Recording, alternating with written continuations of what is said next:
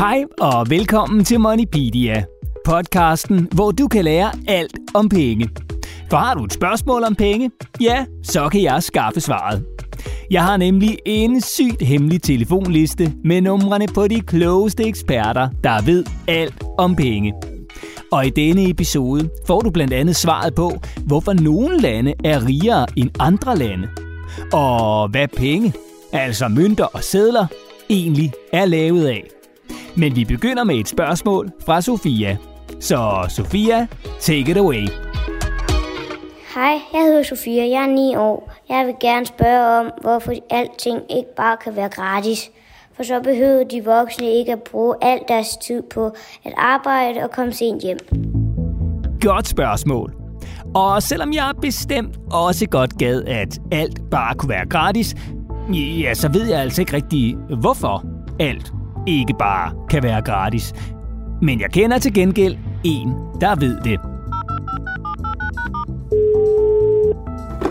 Mit navn er Mogens Lykketoft. Jeg er 75 år, og jeg har brugt mere end halvdelen af min tid på at være med i Folketinget, altså den forsamling, der bestemmer lovene her i landet, været valgt til det. Og så har jeg været en stor del af tiden øh, minister på forskellige områder. Blandt andet har jeg været finansminister. En rimelig vild type, ham Mogens. For finansministeren, ja det er altså ham, eller hende, der sammen med Finansministeriet er ansvarlig for Danmarks finanslove. Altså sådan et slags kæmpestort budget, eller øh, regnskab kan man også kalde det, øh, over alle de mange milliarder af kroner, som landet Danmark både tjener og bruger.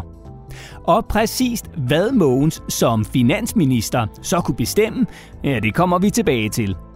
Men inden Mogens blev politiker og finansminister, ja, så var han altså også en lille dreng, der engang drømte om noget, han aldrig fik, men som han til gengæld har fået i dag, hvor han er blevet voksen. Jeg synes egentlig, at øh, min far og min mor de var meget søde til at give mig ting, som jeg ønskede mig. Men en af de ting, jeg ikke fik, og som jeg egentlig gerne ville have haft, det var et modeltog. Jeg havde en skolekammerat, hvis far havde købt sig lidt til ham, og det legede vi med, og jeg tænkte, sådan en ville jeg da vældig også gerne have. Det var også meget dyrt. Det blev så aldrig til noget. Derfor har jeg grinet lidt af her under coronaen. Der gik vi faktisk rundt, min kone og jeg, og opkøbte sådan noget, øh, nogle gamle tog og legede lidt med dem, mens vi alligevel ikke kunne få gæster. Så her med sådan en øh, nogle 60 års forsinkelse, så fik jeg købt mig et modeltog. Sådan og tillykke med modeltoget Mogens. Og med det drøner vi videre til det, det hele handler om, nemlig Sofias spørgsmål om, hvorfor alt ikke bare kan være gratis. Det er fordi, at alting ja, ikke at gå en tur i skoven, men alting, vi skal bruge og har brug for, koster noget at lave. Tænk på, hvis du har et stykke legetøj eller et cykel, hvor mange mennesker, der har været med til øh, og arbejde for, at du kunne få den cykel. Der er nogen, der har, har stået og gravet i jorden for at finde metallet. Der er nogen, der har, har skulle have en fabrik, hvor de skulle varme det meget kraftigt op for at gøre det bøjeligt til at blive, blive formet til en cykel. Der er nogen, der har skulle sætte det sammen alt sammen. Der er nogen, der har, har skulle øh, have en butik, hvor du kunne gå ind og købe den cykel. Og det er selvfølgelig ikke gratis, fordi alle dem, der har været med til, at det blev til en cykel, de har skulle have nogle penge for deres arbejde. Og det giver jo sådan set meget god mening at de mennesker, der har været med til at lave den cykel, du måske cykler på i skole, skal have penge for deres arbejde. Men hvad nu, hvis det ikke lige handler om cykler, men for eksempel den mad, vi spiser, eller det tøj, vi har på? Kunne det så ikke være gratis? Men nej. Sådan er det jo med alting. Sådan er det med den mad, du spiser, med det tøj, du har på, med det, du kører i, hvad enten det er en bil eller et tog, eller hvis du skal til frisøren. Men også hvis øh, I skal til lægen, eller du skal i skole, eller nogen bliver syge og skal på sygehus. Det er alt sammen nogle mennesker, der arbejder for, at det kan være muligt for dig, og de skal have nogle penge for det, og derfor koster det noget, og derfor kan det ikke være gratis. Så dem, der laver den mad, du spiser, og det tøj, du har på, de skal altså også have løn. Ligesom den chauffør, der kører bussen, hvis det en dag regner, og du må droppe cyklen. En hel masse mennesker skal have løn for at lave de ting, du bruger i din hverdag. Så de kan købe ting, de kan bruge i deres hverdag. Og derfor kan alting altså ikke bare være gratis. Og det samme med skolen, som du og en masse andre børn går på. For selvom du rigtig nok jo ikke køber billet for at komme i skole hver eneste morgen, ja, så er det altså ikke gratis at gå i skole. Alting har en pris på en eller anden måde. Nogle gange, så skal vi betale den, når vi går ind og køber cyklen. Nogle gange, så, så betaler vi det på en anden måde, nemlig som sådan en slags fælles pulje, vi samler sammen, sådan at det godt nok er gratis for dig at gå i skole eller til læge. Noget af det, som, som måske er allervigtigst her i livet, ja, det er gratis at få lov til, men der er nogen, der har betalt for det. Vi har alle sammen betalt for det. Din far og mor har betalt skat til staten, og staten har betalt løn til lægen, eller til skolelæreren, eller til sygeplejersken. Så derfor kan det jo ikke være gratis alt sammen. Så den danske stat tjener altså penge ved, at din mor og far og alle andre voksne betaler skat af deres løn, så man for eksempel kan komme på sygehuset, hvis man bliver syg, eller i skole. Og dengang Mogens Lykketoft var finansminister, ja, der var det altså hans job at beslutte, hvad alle de her mange penge, der kom ind i skat, så skulle bruges på. Det var sådan set lige præcis det, der var mit arbejde i de otte år, hvor jeg var finansminister, som det hedder. Det var at finde ud af alle de her penge, vi samler ind i skat. Hvordan skal vi bruge dem mest fornuftigt? Hvad er det, der er vigtigt? Om skole, om sundhed, hospitaler, børnehaver, vuggestuer.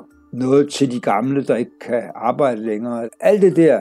Og få det til at gå op. Sørg for, at der er penge nok til at give de her ting gratis eller billigere til folk, fordi vi synes, alle skal have mulighed for at have det, uanset hvad de har tjent af penge. Det har været min opgave som finansminister at, at få på plads, hvordan vi skal fordele pengene. Så Mogens skulle som finansminister altså sørge for at holde styr på alle de penge, som staten tjente og brugte. Men med ansvaret for så mange penge, Ja, kunne han som finansminister så ikke også godt bestemme, at nogle af de ting, vi bruger i hverdagen, skulle være billigere? Øh, for eksempel, at det kun skulle koste en femmer at gå i biografen. Jeg kunne jo godt sige, at det for eksempel kun skulle koste 5 kroner at gå i biografen. Men det er jo ikke livsvigtigt at komme i biografen. Det er dejligt at komme i biografen. Men det gør ikke noget, at folk selv betaler øh, en stor del af prisen for at komme i biografen eller for at se fjernsyn for eksempel. Øh, øh, jeg mener, det kunne jeg godt beslutte, hvis jeg kunne få et flertal der laver, af dem, der laver lovene til, til at sige det.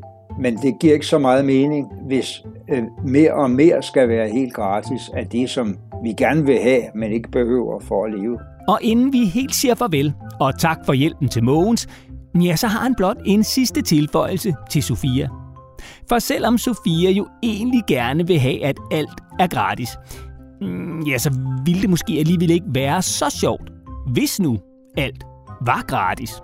Der er noget fuldstændig nødvendigt i, at alting ikke er gratis. Men det er klart, hvis Sofia gerne vil have, at hendes far og mor arbejder mindre, så må hun jo snakke med dem om, om der er en bil, de kan undvære, om der er en lejlighed, de kan få, der er billigere, om de, ikke skal spise så mange bøffer, om de ikke skal ud og rejse. Jamen, hvis de nu bliver enige om alt det, så kunne de jo godt være meget mere hjemme og snakke med, med Sofia, men det kan også være, at Sofia så synes, at det var lidt kedeligt, alt det de så ikke får mulighed for, fordi uh, de ikke arbejder så meget, og derfor heller ikke får så mange penge. Tak for svaret, Mogens, og tak for spørgsmålet, Sofia.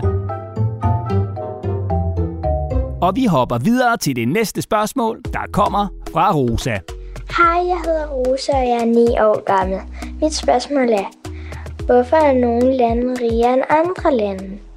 Det vil jeg gerne vide, fordi jeg nogle gange ser nyheder om lande, som ikke har lige så mange penge som Danmark.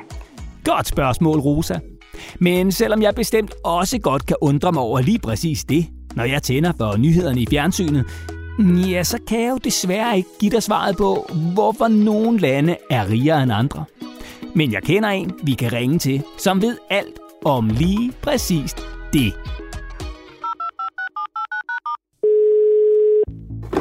Hej, jeg hedder Jeanette Sending Benson, og jeg er 41 år gammel. Og så er jeg lektor i økonomi på Københavns Universitet, og det betyder, at jeg forsker og underviser i, hvorfor nogle samfund er rigere end andre. Så hvis man skal have svar på et spørgsmål som Rosas, og det skal vi jo, ja, så er det altså Janet, man skal ringe til. Og når Janet så ikke lige sidder med næsen i forskerbøgerne, så drømmer hun sig i stedet ud på en helt særlig form for telttur. Altså, hvis jeg havde en million kroner, jamen, så ville jeg helt klart bruge dem på fede rejser. Jeg er rigtig vild med, med glamping, og det er altså ferier, hvor andre har opsat sådan et vildt sejt og luksuriøst øh, telt på sådan helt utrolig smukke og øde steder. Men det er sindssygt dyrt. Så, øh, så hvis jeg fik en million kroner, så vil jeg tage alle mulige seje steder hen på glamping. Øh, for eksempel i Gobi-ørkenen i Mongoliet, eller i Kardemommebjergene i Kambodja. Og selvom det kunne være sejt, så er kardemommebjergene altså ikke lavet af krydderiet kardemomme. Det er derimod nogle bjerge, der ligger i landet Kambodja, der er dækket af regnskov. Nå, men fra teltdrømme til spørgsmålet fra Rosa. For Rosa vil jo gerne vide, hvorfor nogle lande er rigere end andre lande. Det er et rigtig godt spørgsmål. Der er rigtig mange faktorer, der spiller ind. De her personer i de rige lande, jamen de formår simpelthen at tjene flere penge. Og det gør de, fordi de i de her samfund her har formået gennem overvis at opfinde mere og investere mere.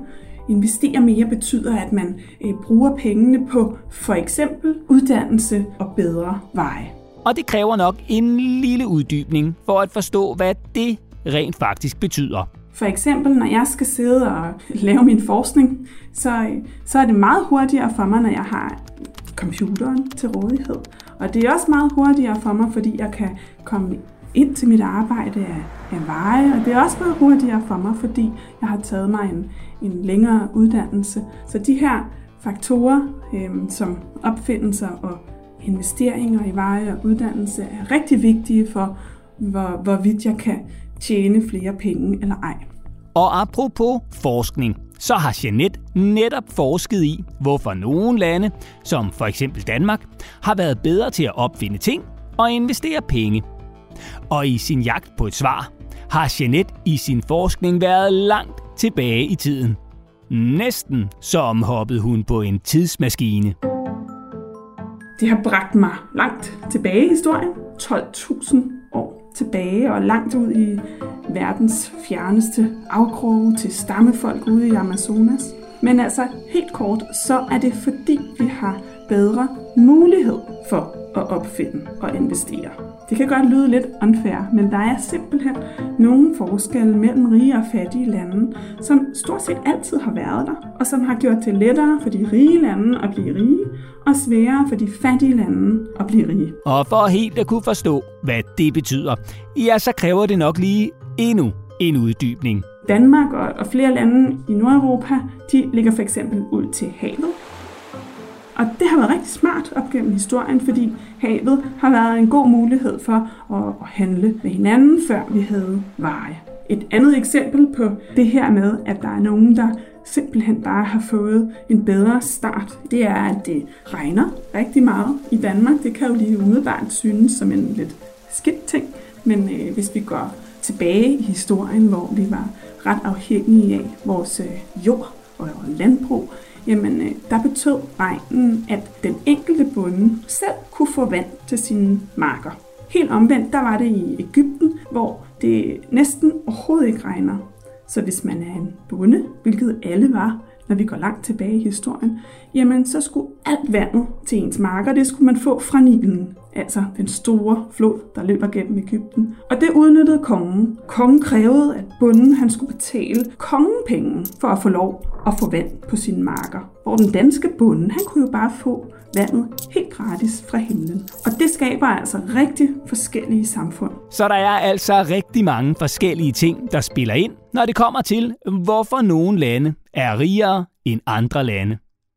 Men selvom penge selvfølgelig er vigtige, når det handler om at måle rigdom, ja, så kan man faktisk også måle rigdom på en anden måde, nemlig på glæde.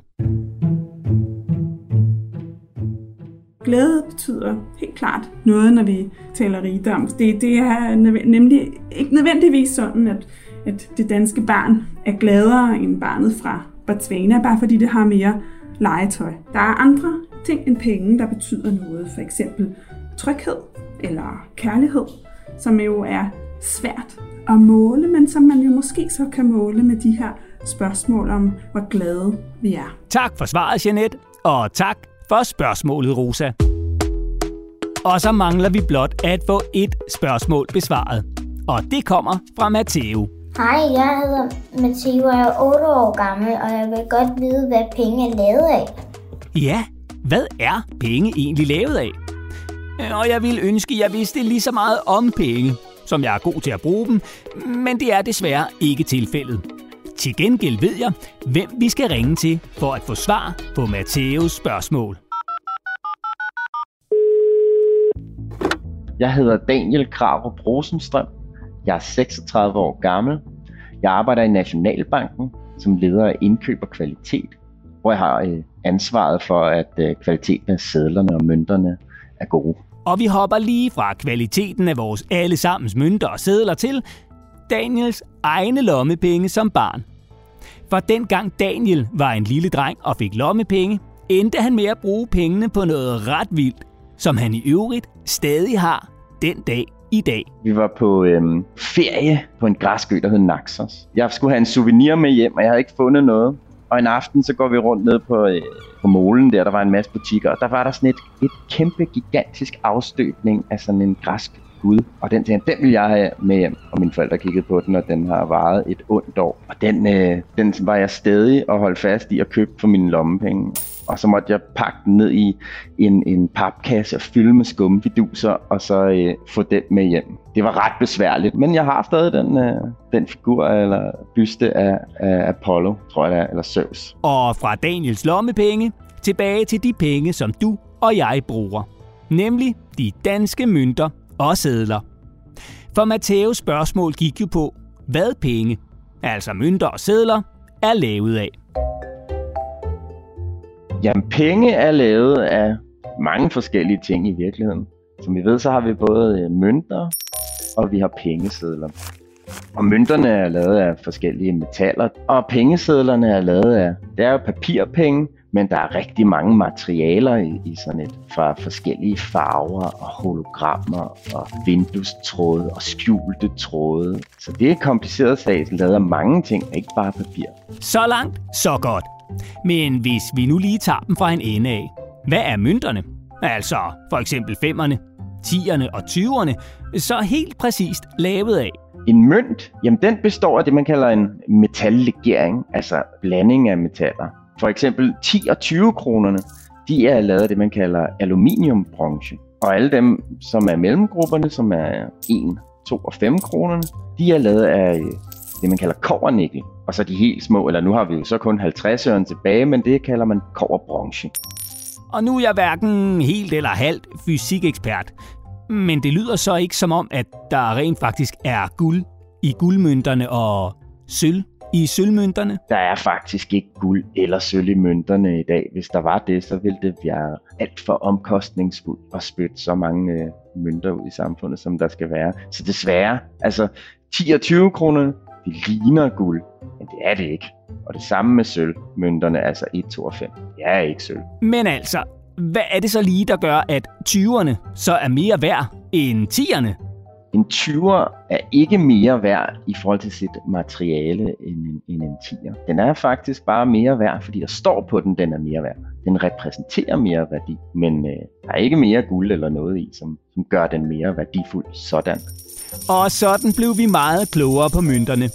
Men hvad så med de danske pengesedler? Hvad er de lavet af? Pengesedler er lavet af mange ting og er ret kompliceret sag at lave faktisk, for der er mange processer til det. Derfor man kalder det sikkerhedstryk. Det sikkerhedstryk, det er noget, der er svært at efterligne. Og det starter med, at man laver papir, bomuldspapir, kludepapir, hvor man bruger bomuld. Og i det papir, der lægger man tråde ned i, samtidig med, med det bliver lavet tråde, som kan være lavet af plastiktype, som kan reflektere lyset eller skabe bevægelse, når man bevæger den, eller metaltråde, som kan indeholde kodninger eller andre øh, ting, det kan være præget i, så man kan læse noget mikroskrift. Så allerede der, så har man brugt flere materialer. Senere, så skal man så til at trykke på, hvor man trykker med forskellige teknikker, med forskellige farver, som kan lyse op under ultraviolet lys, så det ser helt spraglende ud. Så sætter man også hologrammer på, og hologrammer er også lavet af en, en jeg kan forestille sådan metal, som også reflekterer lyset og ser flot ud og er svært at efterligne. Så det, der er utrolig mange ting i en, i en pengeseddel. Så pengesedler er altså lavet af papir. Men de består også af en masse hemmeligt sikkerhedslir, som for eksempel metaltråde og tryk, der kan skifte farve, så pengesedlerne ikke kan kopieres. For det er nemlig smæk hammerne ulovligt. Men sedlerne er jo stadig mest af alt lavet af papir, hvor mønterne er lavet af metal. Og så kan det jo godt være lidt svært at forstå, hvorfor sedlerne så egentlig er mere værd end mønterne. Jamen altså, der står 50, 100 og 200, 500, 1000 kroner på, øh, på sedlerne, og det er vi jo enige om. Det er jo mere end, end 10 og 20 og så videre. Men det er også fordi, at man er blevet enige om, at, at de skal være det værd. Og at det så er sædler, det er fordi, at der kan man bruge de her øh, avancerede teknikker til at gøre noget, som er som dels at, at befolkningen stoler på, når, de, når man tager sådan en seddel i hånden, at, at det virker som et kvalitetsprodukt, som, som jeg kan regne med, at det er værd, som der står på den, men også at den er sværere at efterligne. Sådan. Tak for svaret, Daniel. Og sådan kom vi altså igennem alle tre spørgsmål i denne udgave af Moneypedia. Og har du også et spørgsmål om penge, du gerne vil have svar på, så send det til os på moneypedia Så kan det nemlig være, at det er lige præcis dit spørgsmål, jeg får en af de kloge hoveder i min superhemmelige telefonbog til at svare på. Og hvis du kan lide podcasten, så husk lige at subscribe i din podcast-app, så får du nemlig besked, når der kommer en ny episode. Og skriv også meget gerne i en lille anmeldelse. Så er du nemlig med til at udbrede Moneypedia til endnu flere. Tak, fordi du lyttede med. Podcasten er produceret af Go Little for Pengeskyen, Danske Banks familieunivers.